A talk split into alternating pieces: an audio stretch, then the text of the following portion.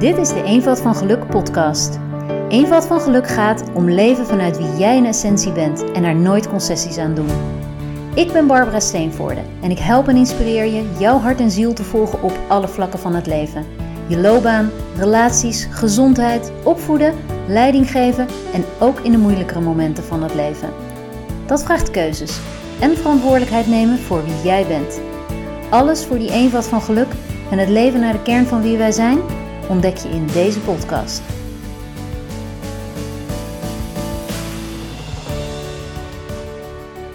Hi, van harte welkom en leuk dat je weer luistert. Hoe weet je of je op het juiste pad zit? En wie is dat die achter al die patronen en overtuigingen zit? Wie komt daarachter vandaan als je al die patronen en overtuigingen op een gegeven moment loslaat? En hoe weet je wat echt klopt voor jou? Als je mij al een tijdje volgt, dan weet je dat ik me op dit soort vragen richt en jou help om daar de antwoorden in te vinden. En tegelijkertijd besef ik me ook dat, ja, wie ben ik nou eigenlijk? Hè? Ik bedoel, wat weet ik er nou eigenlijk van? Het enige wat ik kan doen is keer op keer mijn ervaringen delen en mijn observaties delen. Ik heb inmiddels nou, al honderden cliënten geholpen in keuzes op gebied van loopbaan, relaties, gezin, in opvoeden.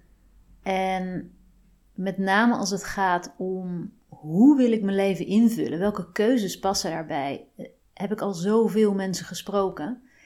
Heel vaak komen mensen eigenlijk van goh, ik ben niet zo bevlogen meer in mijn werk, eh, wat wil ik nou eigenlijk echt? En komen mensen met die vragen omdat ze een bepaald gevoel van ja, onvoldaan zijn, uh, een, een soort sluimerende onrust voelen. En het gebeurt maar al te vaak dat mensen helemaal niet de antwoorden vinden in het werk alleen. Dat het juist op allerlei vlakken in hun leven speelt, waar ze wat meer hun eigen waarheid mogen gaan volgen. En wat ik dan altijd merk is als we een aantal sessies op weg zijn of, of, eh, of een aantal programmadagen gehad hebben, dat mensen dan op een gegeven moment ook zeggen van, goh, maar wie is het eigenlijk die daar dan achter vandaan komt? Achter dat wat ik altijd gewend was te doen.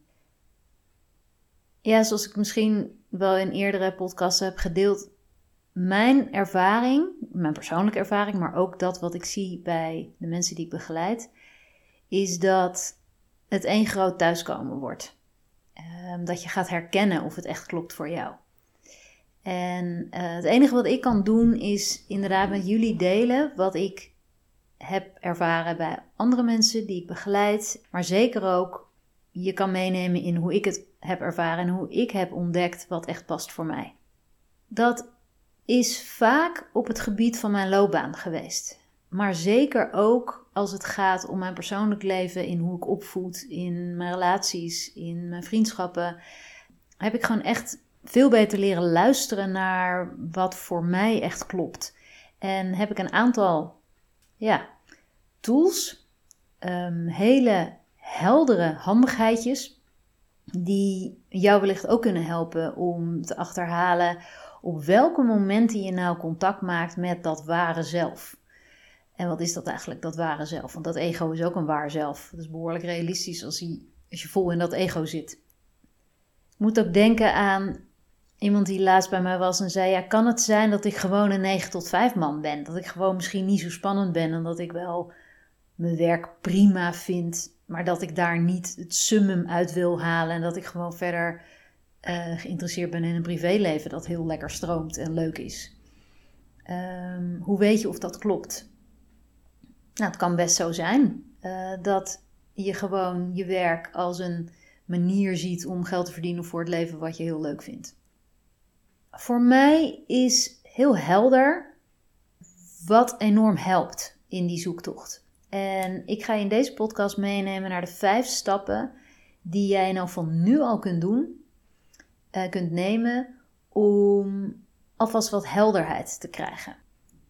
Daarmee wil ik wel beginnen, uh, voordat ik aan die vijf stappen toe kom, om te zeggen dat wat ik merk is wel dat het best lastig is om al informatie op te halen over je, je, je, zielsmissie, je ware zelf, geef het een naam, je, je oorsprong, als je nog ontzettend vastzit in bepaalde patronen en overtuigingen.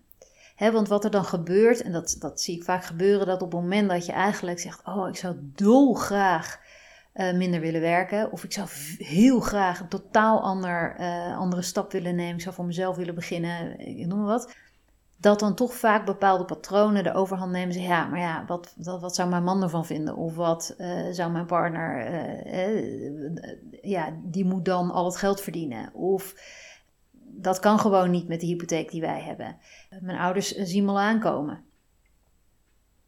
Het lijken heel realistische, plausibele redenen. Dat zijn het natuurlijk ook. Alleen, ik merk dat die, ja, die blokkades die we daar vaak op voelen, uh, een heel groot deel aangeleerd zijn. Dat onze ziel veel vrijer is, veel meer vertrouwen heeft en veel meer loslaat en veel meer gelooft in een goede afloop op het moment dat je kiest voor wat echt klopt. Dus het grootste werk vaak in hoe ik mensen begeleid in de programma's en in de één op één trajecten zit toch wel in het losmaken van de beschermjas van het ego, van het losmaken van die patronen en overtuigingen. En daarmee wil ik niet zeggen dat ik je um, ga helpen om geld nooit meer belangrijk te vinden of je partner overboord gooien. Nee, je, je gaat daar gaandeweg het proces veel vrijer in raken. Maar ik kan me voorstellen dat je ook, voordat je aan zo'n traject begint, of voordat je daar echt naar gaat kijken, ook wel wil weten van maar wat, wat kan ik dan nu al doen om wel al wat meer te gaan luisteren naar wie ik werkelijk ben en hoe herken ik dat? Nou, en in die vijf stappen ga ik je nu meenemen. Van die vijf stappen is de eerste wat mij betreft voelen waar jij in je energie zit op het moment dat jij iets wil of niet wil, op het moment dat je iets besluit of iets eng vindt of een nee voelt in jezelf. En op, moment, op zo'n moment voel dan eens waar zit je het meest qua energie? In je hoofd of in je lijf? Stap 1 gaat dus heel erg om het registreren dat er een verschil is tussen dingen doen vanuit het hoofd, namelijk ratio en verstand, en de dingen doen vanuit gevoel, vanuit het lijf. Het grappige is ook dat in alle trajecten die ik doe, ik mensen daar heel veel werk in laat doen. En zich bewust laten worden van als ze iets zeggen, dan, dan onderbreek ik ze wel eens en zeg waar zit je nu? Zit je nu in je hoofd of in je lijf?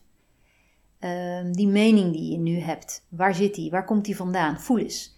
En de grap is dat mensen de eerste keer als ik die vraag stel echt maar aankijken: joh, waar heb je het over?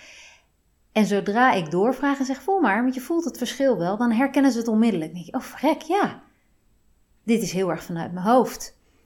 Uh, en dit is, oh wacht, dit is gewoon heel erg wat, wat veel meer in mijn buik zit of in mijn, op mijn, hartgebied.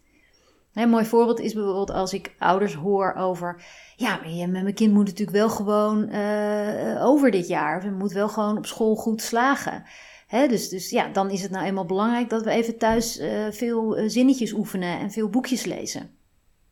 En, dan zeg ik oké, en, en voel eens, waar, waar vanuit welk deel in je lijf, in jouw zijn, komen deze uitspraken? En dan herkennen mensen vaak, oh dat zit een beetje in mijn hoofd.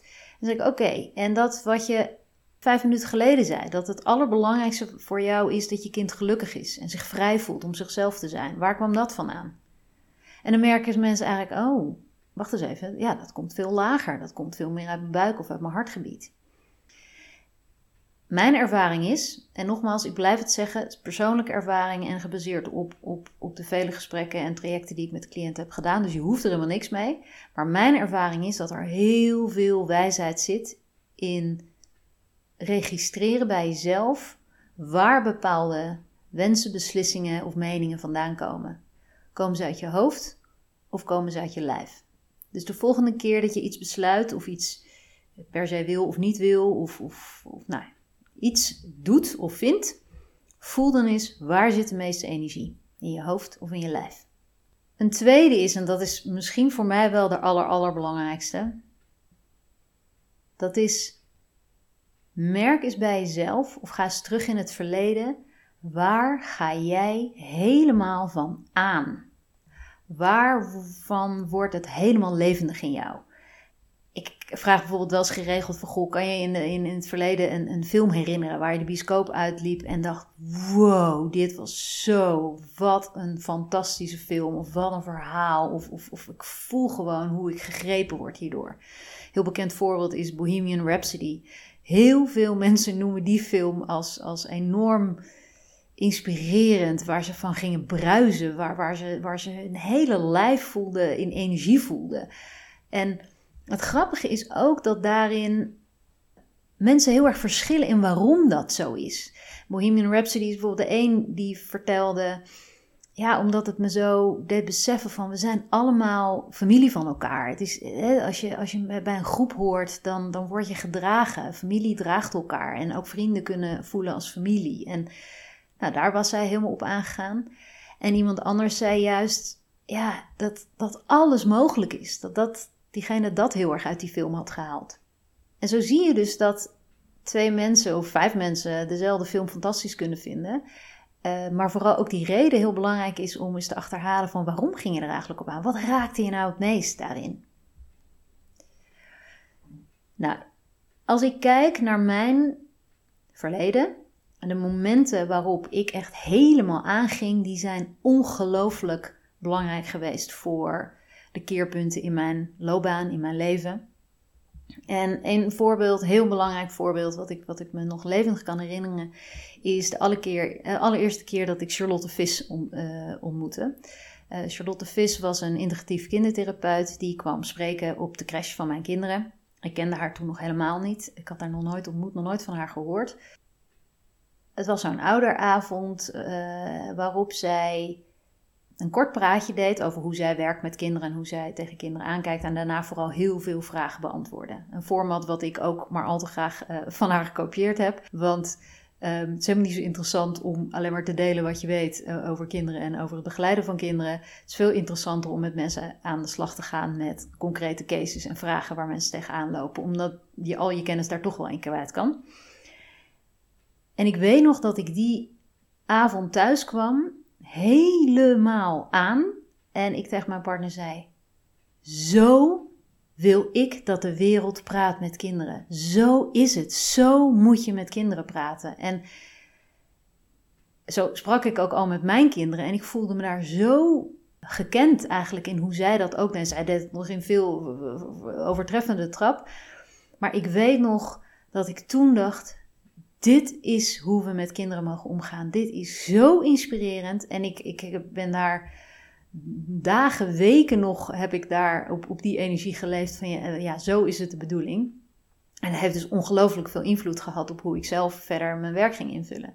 De grap is dat ik in die tijd nog helemaal niet met kinderen werkte. Ik was toen loopbaanadviseur, psycholoog, coach. Uh, deed veel teamcoaching, uh, veel loopbaantrajecten, burn-out enzovoort. En um, was wel al allerlei therapievormen gaan onderzoeken en toepassen. Maar was nog helemaal niet bezig met het werken met kinderen. Pas twee jaar later kwam er een ander voorbeeld waar ik helemaal van aanging. En um, die eerste is dus een voorbeeld van iemand ontmoeten of iemand horen spreken waar je helemaal van aangaat. Een tweede voorbeeld was dat ik op een gegeven moment een droom heb gehad. Die ging over toen ik wakker werd, realiseerde ik me dat in die droom werd ik door een werving- en selectiebureau benaderd. En zij wilden mij heel graag uh, hebben als directeur op een school voor slechthorende en slecht sprekende kinderen. Ik ben naar die school toe gegaan. Ik was heel verbaasd dat ik daarvoor werd gevraagd. En ik ben wel gegaan. Uh, want ik voelde me toch wel wat vereerd of zo. En, en, en de betreffende school, die was ook heel duidelijk in dat ze mij wilden hebben. Dus de werving- en selectiebureau was eigenlijk alleen maar degene die het moest regelen. En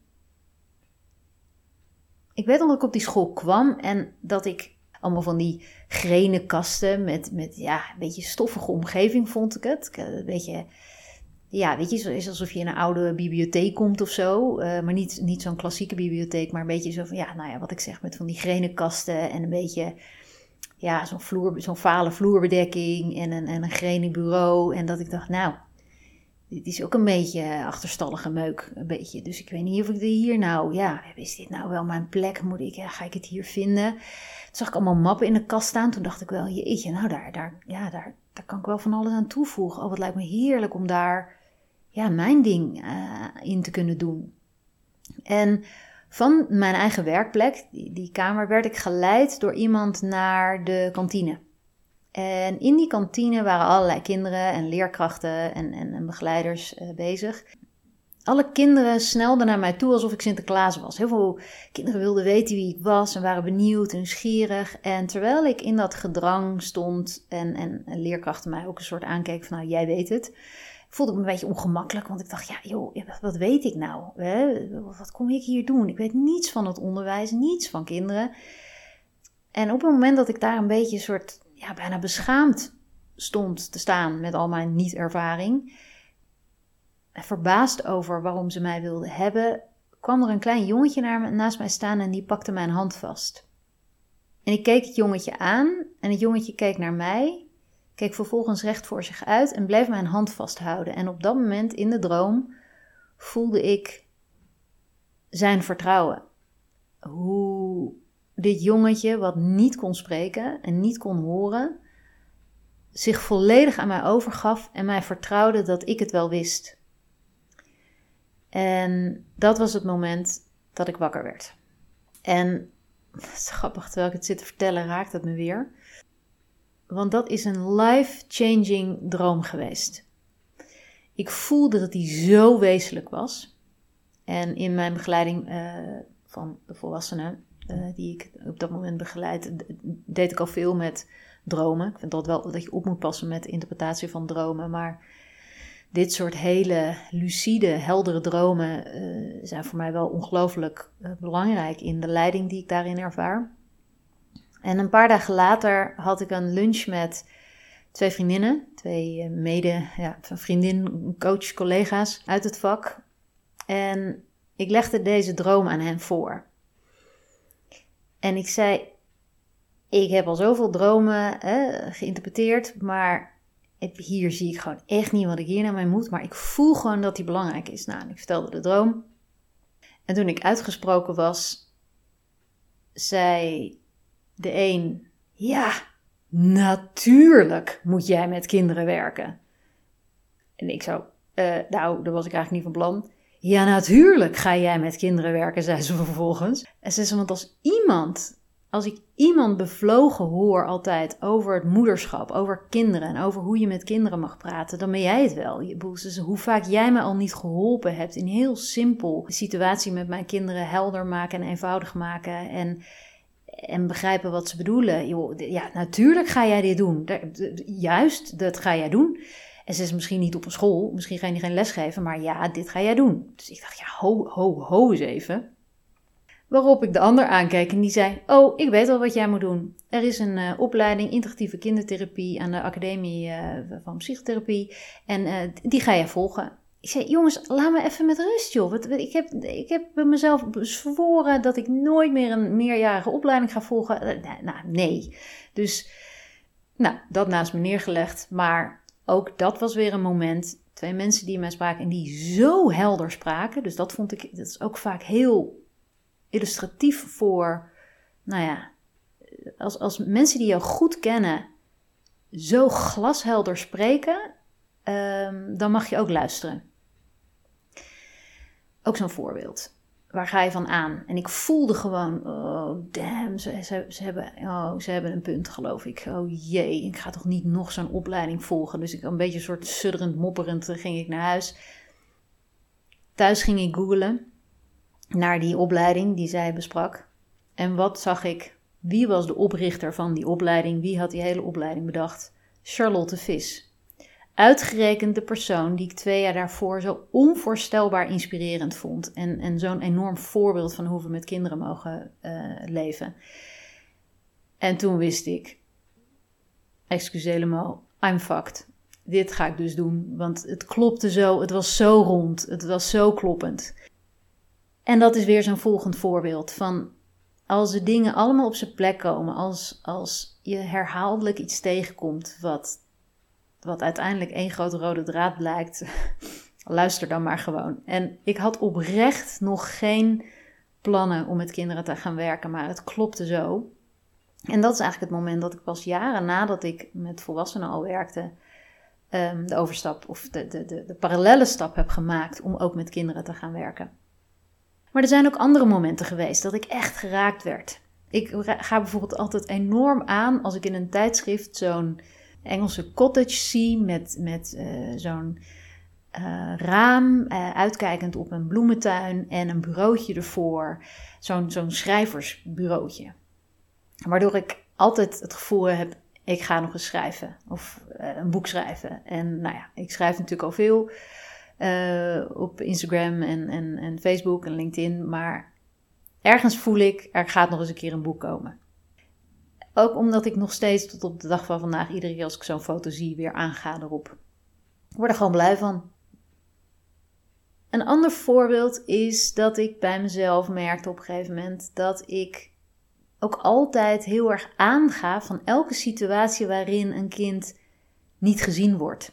En daarop ga ik aan op iets wat ik niet zo fijn vind, maar waar je wel misschien herken je dat, dat iets wat niet klopt of niet oké is in de wereld, of, of, hoe mensen met elkaar omgaan, of, of nou, in je werk, dat je juist heel erg aangaat op zo'n onderwerp waar, je echt heel erg bevlogen voor voelt van dit klopt gewoon niet. Nou, en eigenlijk in iedere situatie, of dat nou Um, ook waar ik dat bijvoorbeeld heel erg heb, is bij de nanny. Ken dat programma met die, met die Engelse forse dame die dan in zo'n gezin komt en dan in een naughty corner en weet ik veel wat. Ik, ik, oh, ik krijg daar echt kriebels van als ik die vrouw zie. En, en ze bedoelt het vast enorm goed. Er zitten ook goede dingen in. Maar in dat programma, dat programma is doorspekt met de volwassenen zijn de autoriteit en de kinderen moeten luisteren. En ik, ik word daar nou, gewoon helemaal niet blij van. En daardoor voel ik ook die enorme bevlogenheid om een kind gewoon veel meer te zien. En niet een kind te zien als lastig en dat moet onderdrukt worden. Maar uh, het gaat heel erg daarover het afleren van dingen. Terwijl ik juist heel erg geloof en vertrouw er maar gewoon op dat een kind het wel weet. En als hij niet doet wat prettig is, dan is daar een reden voor.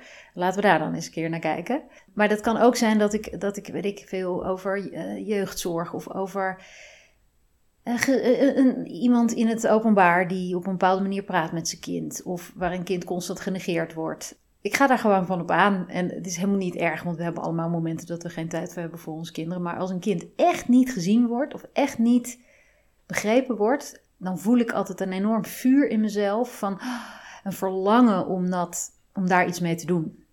En dus niet een vuur van woede, maar wel een vuur van, oh, hier, dit mag anders, dit mag anders.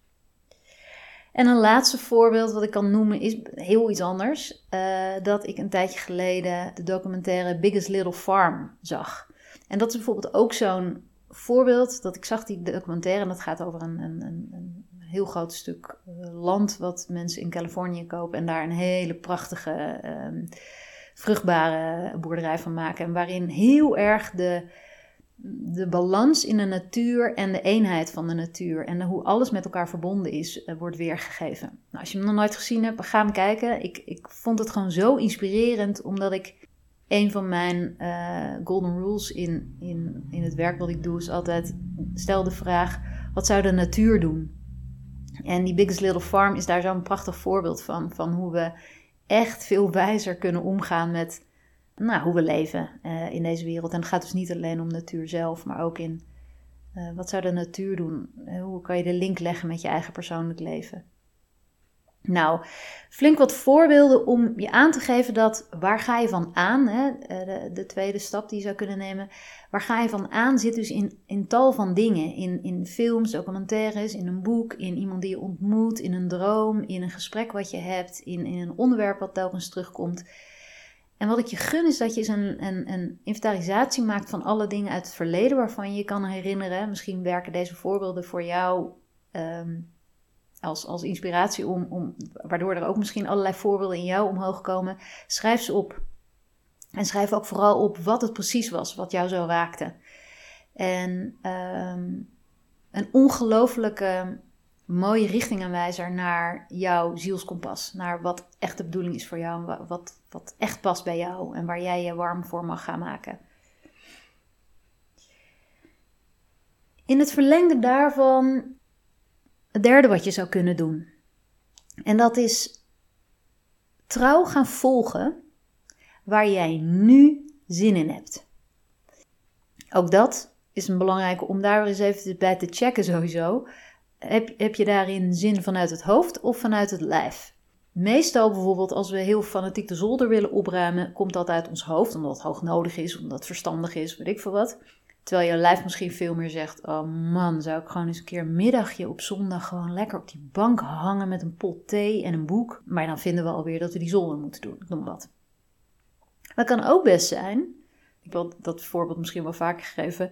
Dat ik heb bijvoorbeeld niets met de wasvouw. Als ik erg slecht in ben, is het dat wel. Maar dus mijn lijf zegt altijd, gaan we niet doen. Nou, dat kan soms best lang duren, tot grote ergernis van uh, de gezinsleden hier.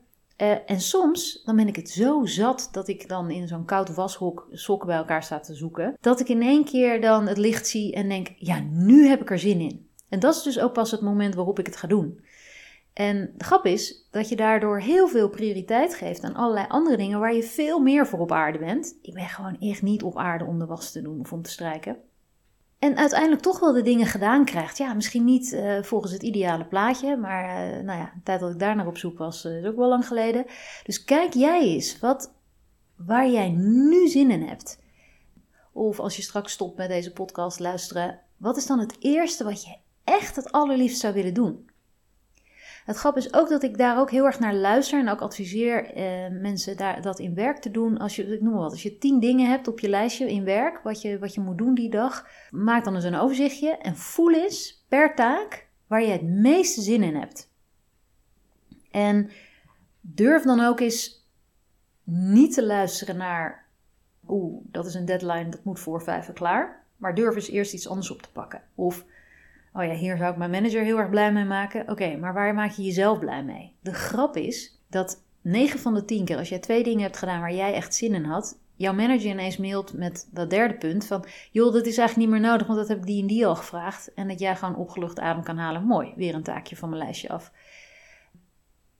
Het was heel grappig. Ik had deze week nog, gisteren, uh, heel veel te doen. Uh, en het was best wel een ambitieus plan wat ik voor die dag had. Een van de dingen die op mijn lijstje stond, was een soort klein dingetje, maar waren de. Even checken of de retouren van twee online winkels, ik had wat kleren besteld voor de kinderen, of die retouren goed waren aangekomen en of ik dat geld al had ontvangen.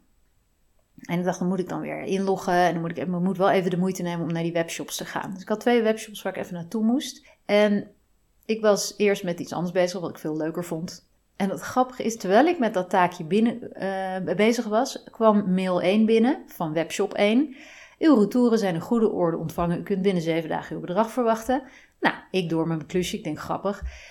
En je raadt het al, twee minuten later komt mail 2 binnen van webshop 2. Uw uh, retourzending is in goede orde ontvangen. U kunt binnen 24 uur uw betaling terugverwachten. Nou, taakje voldaan. Dus vertrouw er eens op en ga er eens mee spelen. Want ik heb dit al aan heel veel mensen, met heel veel mensen gedeeld. Dit is een voorbeeld van gisteren, maar ik werk al ik weet niet hoe lang zo. En heel veel mensen denken, ja, zo werkt dat toch niet? Je hebt ook deadlines te halen. Geloof me, ga het proberen. Je lacht je helemaal dood. Volg waar je nu zin in hebt. Dan zul je ten eerste merken dat je meer gevraagd wordt voor de leuke dingen. Want daar ben je dus kennelijk goed en snel in. En ten tweede zul je veel helderder krijgen waar jij het allerliefst je aandacht aan besteedt. En de dingen lossen zich als vanzelf op soms. Of je hebt zoveel energie dat die paar dingen die je iets minder leuk vindt, dat je die aan het eind van de rit nog wel eventjes uh, erbij doet. Maar dan heb je wel uh, eerst gevoeld waar jouw aandacht het meest naartoe gaat. En ook daar is het zinvol om eens te inventariseren. Wat zie ik mezelf nou, nou steeds doen en kiezen als ik kies voor waar ik echt zin in heb. De vierde, dat noem ik de helende beweging volgen. Met de helende beweging bedoel ik waar word jij nog vrolijker, gezonder, stromender van. Heel letterlijk kan je dat merken als je ziek bent bijvoorbeeld. Vroeger, toen ik, eh, als ik wel eens eh, griep had, en met name ehm, eh, buikgriep of zo, en overgeven, weet ik het allemaal, dan had mijn moeder een soort regime, dat was gewoon niet te doen. Dan moest ik een paar dagen lang op droge reis met bessensap en een droog beschuitje met rookvlees en appelsap. Nou, ik, was alle drie gewoon niet weg te werken. Ik had er totaal geen trek in, dus at ik bijna niks. En dat was een soort op, op, op de gedachte dat je je maag dan helemaal tot rust moest zien te krijgen. Jaren later, toen ik studeerde en op mezelf woonde en ik dus ook weer eens een keer ziek was, toen ben ik gewoon mijn gevoel gaan volgen. En wat ik merkte is dat als ik gewoon twee dagen helemaal niets at, ik echt prima wegkwam. En op een gegeven moment als vanzelf enorme trek kreeg in appelmoes, uh, in yoghurt of in milkshakes. En tot de dag van vandaag heb ik dat nog steeds. Als ik ooit nog eens buikgriep heb of zo, dan merk ik altijd dat dat de eerste drie dingen zijn waar ik trek in heb. En zodra ik dat eet of drink, voel ik me stukken beter. Ik weet niet waar het ermee zit, of het in suiker zit of in de zuivel. Of in, vaak gaat dat ook omdat het iets kouds is, wat ik heel lekker vind. En de grap is dat ik dan veel sneller hersteld ben en, en dat ik vroeger daar alleen maar beroerder en beroerder van werd. Dus vertrouw erop dat de helende beweging in jou zich wel aandient, ook weer op basis van waar heb ik zin in. Ander mooi voorbeeld is dat mijn zoon nogal creatief is. En dat hij een tijdje geleden echt hele hoge koorts had. En dus ik zei, nou ga jij maar snel je bed in. En toen lag hij vijf minuten in zijn bed. En toen zei die mama, mag ik tekenen? En die heeft toen de hele middag met een knalrood koortshoofd zitten schilderen en zitten tekenen. En de volgende dag was hij beter. En weet je, vanuit de klassieke gedachte, als je ziek bent, moet je in je bed liggen. Zou je misschien zeggen, ja, uh, nee, ga eerst maar uitzieken. Maar ik vertrouw er in dat soort gevallen gewoon op dat mijn kind op zo'n moment wel kiest voor wat het beste is voor hem. Want ik bedoel, als je echt super beroerd bent, dan is het juist belangrijk om te doen wat goed voelt. En natuurlijk uh, snap ik wel dat mensen soms denken van ja, maar dan moet je, weet je, als je ziek bent, dan, dan uh, moet je, uh, hè, want als je zin hebt om te tekenen, dan ben je niet echt ziek. Nou, ik kan je vertellen, dit kind was echt behoorlijk ziek, met behoorlijk hoog koorts. En dat lijf, die geest, die ziel, die vertelt je wat het beste is om, om te doen. En die vertelde, ga jij maar tekenen en schilderen. En weet jij veel wat hij allemaal loslaat op zo'n canvas of in zo'n tekening, waardoor dat systeem weer zich goed voelt en in, in balans komt en, en uh, gekend wordt. Dus dat is letterlijk de helende beweging volgen. Maar die zit ook op allerlei andere vlakken. Ook in, in, in relaties bijvoorbeeld. Als je gedoe hebt met je partner. Um, dan is het hoofd misschien wat zegt. Nou, hij zoekt het maar uit. Of, of ik ga echt niet doen wat zij zegt. Maar als we de helende beweging volgen. Dan is het vaak eigenlijk. Oké, ondanks dat ik vond dat je ongelooflijk stom deed net ik hou wel van je en ik vind je gewoon lief en ik vind je mooi en ik vind je fantastisch. Ik laat je wel nog even, want ik vind je ook heel stom. Um, maar dan is er wel wat meer contact. En als we die helende beweging wat meer mogen toestaan van onszelf, dan zul je merken dat je veel sneller terug bent naar die oorsprong en naar dat zielsverlangen van gewoon liefde, harmonie, energie, bevlogenheid en inspiratie. Dus de helende beweging was nummer vier. En de laatste vijf is contrast. Een contrast is het verschil tussen wat je nu ervaart en leeft en het verschil met hoe je het zou willen, wat wat je zou willen ervaren. Om een voorbeeldje te geven, ik denk dat mijn kinderen een groot contrast ervaren tussen die enorme stapel schone was die maar niet opgevouwen in een kast ligt en hoe ze het zouden willen, namelijk keurig netjes opgevouwen kleertjes in hun kast. Dat bedoel ik met contrast. Maar contrast is heel belangrijk om naar te luisteren, omdat we dat vaak toch wel geneigd zijn te negeren onder het mom van ja, het is nou eenmaal zo. En in het geval van die was eh, is dat zo, want ik bedoel, die moeder van hun gaat echt niet sneller die was vouwen dan dat zij er zin in heeft. Maar als jij merkt dat je bijvoorbeeld in je werk stelselmatig echt je vervelend voelt bij hoe mensen tegen elkaar praten, of hoe autoritair iemand doet, dan is dat een contrast met hoe jij op basis van vertrouwen wil werken met iemand. Ook al is het je leidinggevende. Of um, dat, dat voel je omdat jij zelf heel erg bent van, joh, we doen het met z'n allen. En als je elkaar aanmoedigt en stimuleert, is dat veel leuker dan dat je elkaar kritisch bejegent de hele tijd. Of dat je elkaar constant loopt uit te dagen. Uh, contrast gaat er dus om dat je doorhebt wat jij in het hier en nu eigenlijk helemaal niet fijn vindt. Dus waar je een soort min-energie op voelt. Om dan vervolgens te beseffen: oké, maar hoe zou ik het wel willen dan? Dus wat ik niet wil is, puntje, puntje, puntje. Wat ik wel wil is dat en dat. En ook daar kun jij alvast wat dingen in doen. Namelijk dat op het moment dat jij iets ervaart als onprettig of uh, iets wat niet klopt voor jou, hoe zou je het dan wel willen? Dus als jij gek wordt van de rotzooi in je eigen huis, maar je komt er maar niet toe om dat te ordenen. Maar als het je wel heel erg stoort en afleidt en, en, en je niks kan vinden, dan betekent dat misschien dat je eigenlijk iemand bent van, van, van orde en, en, en wat meer zaken op uh, in structuur brengen. Ik merk ook wel eens dat ouders bijvoorbeeld zeggen: Oh, en ik ben weer zo boos geworden. En ik vind het zo erg dat ik, dat ik zo weer uit mijn slof schoot tegen mijn kinderen. Dan zeg ik altijd: Oh, dat is goed nieuws. Want het feit dat je het zo erg vindt, betekent ook dat je dus eigenlijk iemand bent die heel erg is van een rustige aanpak. Van dit in contact met je kind dingen met elkaar bespreken.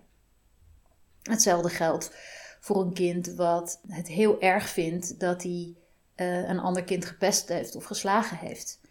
Als een kind dat heel erg vindt, zeg ik ook altijd: Oh, maar dat is toch hartstikke goed nieuws? Als je het niet erg zou vinden, is het veel lastiger. Want dat betekent dat je het dus oké vindt om iemand te pesten. Dan vind je het dus oké dat iemand zich rot voelt. Dan vind je het dus prima als iemand pijn heeft. Maar het feit dat je dat erg vindt, dat je dat gedaan heeft, betekent dus eigenlijk wat je werkelijk bent. Namelijk iemand die het juist goed wil doen is het meteen ook een stuk optimistischer kijk op je, op je eigen gedrag, denk ik altijd. En het is ook veel helpender. Het heeft niet zoveel zin om vast te blijven zitten. Oh, ik ben kennelijk iemand die altijd boos is op mijn kinderen. Nee, de verandering komt pas als je beseft: oké, ik voel me daar dus rot over. Dus kennelijk ben ik iemand die dat op een veel wijzere manier wil doen. Dat bedoel ik met contrast. Dus breng eens in kaart waar jij echt niet blij van wordt, van jezelf, van, van hoe het gaat in je relatie, in je werk, in je huis, in je gezin. En hoe je het dan wel zou willen. Van dat wat niet goed voelt, is een directe richtingaanwijzer naar dat wat je werkelijk wil. Dus, samengevat. 1 was hoofd of lijf. 2, waar ga je van aan? 3, ehm, waar heb je nu zin in? 4, de helende beweging volgen. En 5, contrast. Tot slot, volg dit alles eens. Vertrouw er eens op. Durf eens je echt te laten leiden door al deze signalen. Het is mijn ervaring dat al die honderden, duizenden momenten dat je je hierdoor laat leiden, uiteindelijk steeds meer trechteren naar die weg die echt de bedoeling is voor jou, die echt past bij jou. Al die momenten waarin jij kiest voor wat klopt voor jou, al die momenten dat jij die vijf, een van die vijf stappen toepast, maken het nog helderder er komt een rode draad in waar je op aangaat, wat je wel en niet leuk vindt, waar je wel en niet zin in hebt.